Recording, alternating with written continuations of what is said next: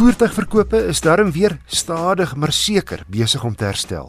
Met groei nou 3 maande in 'n ry.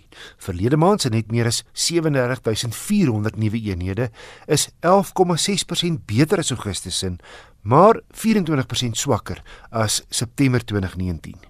Die nommer 1 verkoper, Toyota, het 'n verstommende 4252 Hilux verkoop. Dit terwyl die Hilux juis van dese maand opgekikker gaan word. Ek skat daar was goeie winskoope op die modelle wat vervang gaan word.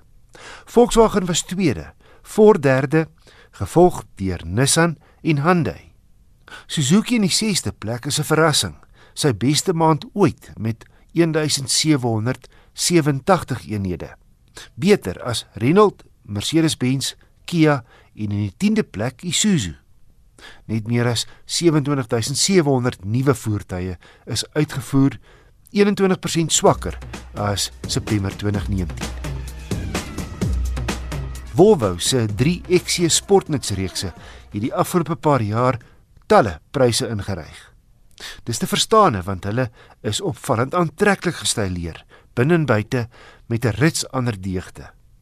Die kleinste van die 3, die XC40, is relatief breed vir sy lengte van net oor die 4,4 meter met redelike hoekige lyne wat hom 'n fris voorkoms gee. Voorlangs regop sierrooster en die nou bekende Torse Hammer dagryligte en groot boomerang tipe LED sterkligte wat so teen die seepilare afloop en na buite sweep. 'n Jaar gelede het ek die turbo petrol XC40 getoets. Nou het ek kans gehad om die turbo diesel model te toets, die D4 Momentum met vierwielaandrywing standaard. En hoewel Momentum die goedkoopste afwerking behels, is dit alles behalwe basies. Die prys is wel soortgelyk aan sy Duitse ewe knie, maar die sweet kom met heelwat meer standaard toerusting en talle veiligheidskenmerke.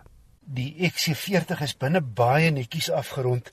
Die groot sentrale skerm is maklik om te gebruik en die aanraak spyskaarte werk goed. Ek sou net graag vir die waaierspoed 'n knop wou hê.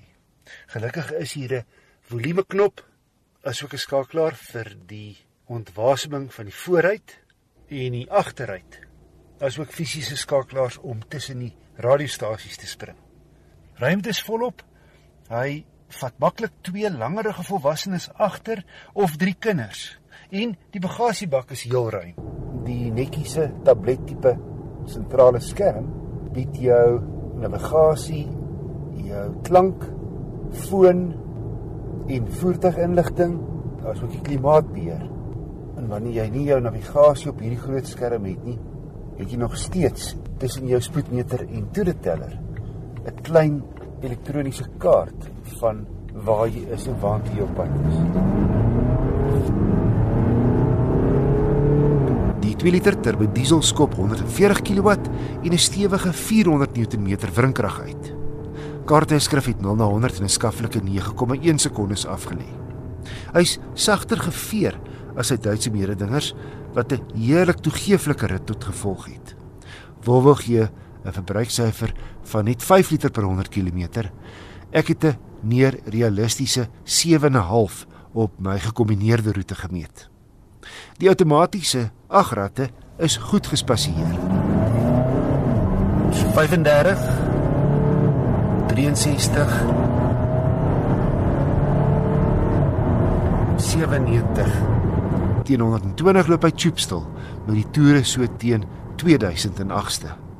My gevolgtrekking, die Volvo XC40 D4 Momentum is teen R678600. 'n Ruim gesinsgeoriënteerde wa, baie stylvol buite en binne, gerieflik, volop krag teen lae toere en gegee sy standaardkenmerke relatief goed geprys in die premium sportnutklas. Ek het 2 weke gelede 'n brief bespreek van Isak Verviers wat gekla het oor sy Volkswagen Polo se battery wat hom die afgelope paar jaar konstant probleme gee. 'n Paar luisteraars het hierop reageer. Jan Viljoen laat weet hy het 'n soortgelyke probleem met 'n battery wat afloop. Hy skryf: In my geval was dit die spoedkontrole wat permanent aangebly het. Die kontrole was later bygevoeg. Hoe ek agtergekom het is dat die kontrole die laaste stelling onthou het. Toe die kragdraad aan 'n punt gekoppel is aan 'n bron wat af is as die engine afgeskakel is, is die probleem opgelos, skryf Jan. 'n Ander luisteraar, Ernst Marie, skryf: "Ons het dieselfde probleem ondervind met my seun se BMW. Die probleem was 'n stelsel wat nie afsluit as die motor afgeskakel word nie. En jy kan dalk raai dat dit 'n trekkerapparaat was wat die oorsaak was. Dit het nooit by ons opgekom dat dit 'n trekker is nie, want na ons die motor tweedehands gekoop het, is die trekker uitgehaal. Ek het dit gesien, maar daar was 'n tweede een in. Ons BMW handelaar beweer dat hulle al 3 trekkers uitgehaal het uit motors. Nou wonder ek miskien het die Polo meer as een trekker aan boord van daardie vinnige ontlading van die battery. Laat weet erns na aanleiding van Isak Vervuur se brief. Aris Krieg van Somerset Wes skryf: "My 2010 Toyota RAV4 gee al sedert die eerste 2 weke van aankoop batteryprobleme. En Toyota se ondersoeke die afgelope 10 jaar en vele nuwe batterye later bied geen bevredigende oplossing nie." My tegniese medewerker Nicolou het toe 2 weke gelede breedvoerig oor batterye geantwoord. Dis op RSG se webblad as 'n potgooi beskikbaar indien jy weer wil gaan luister. Gaan soek onder Naweek Aktueel. Elke week se motorrubriek is daar beskikbaar.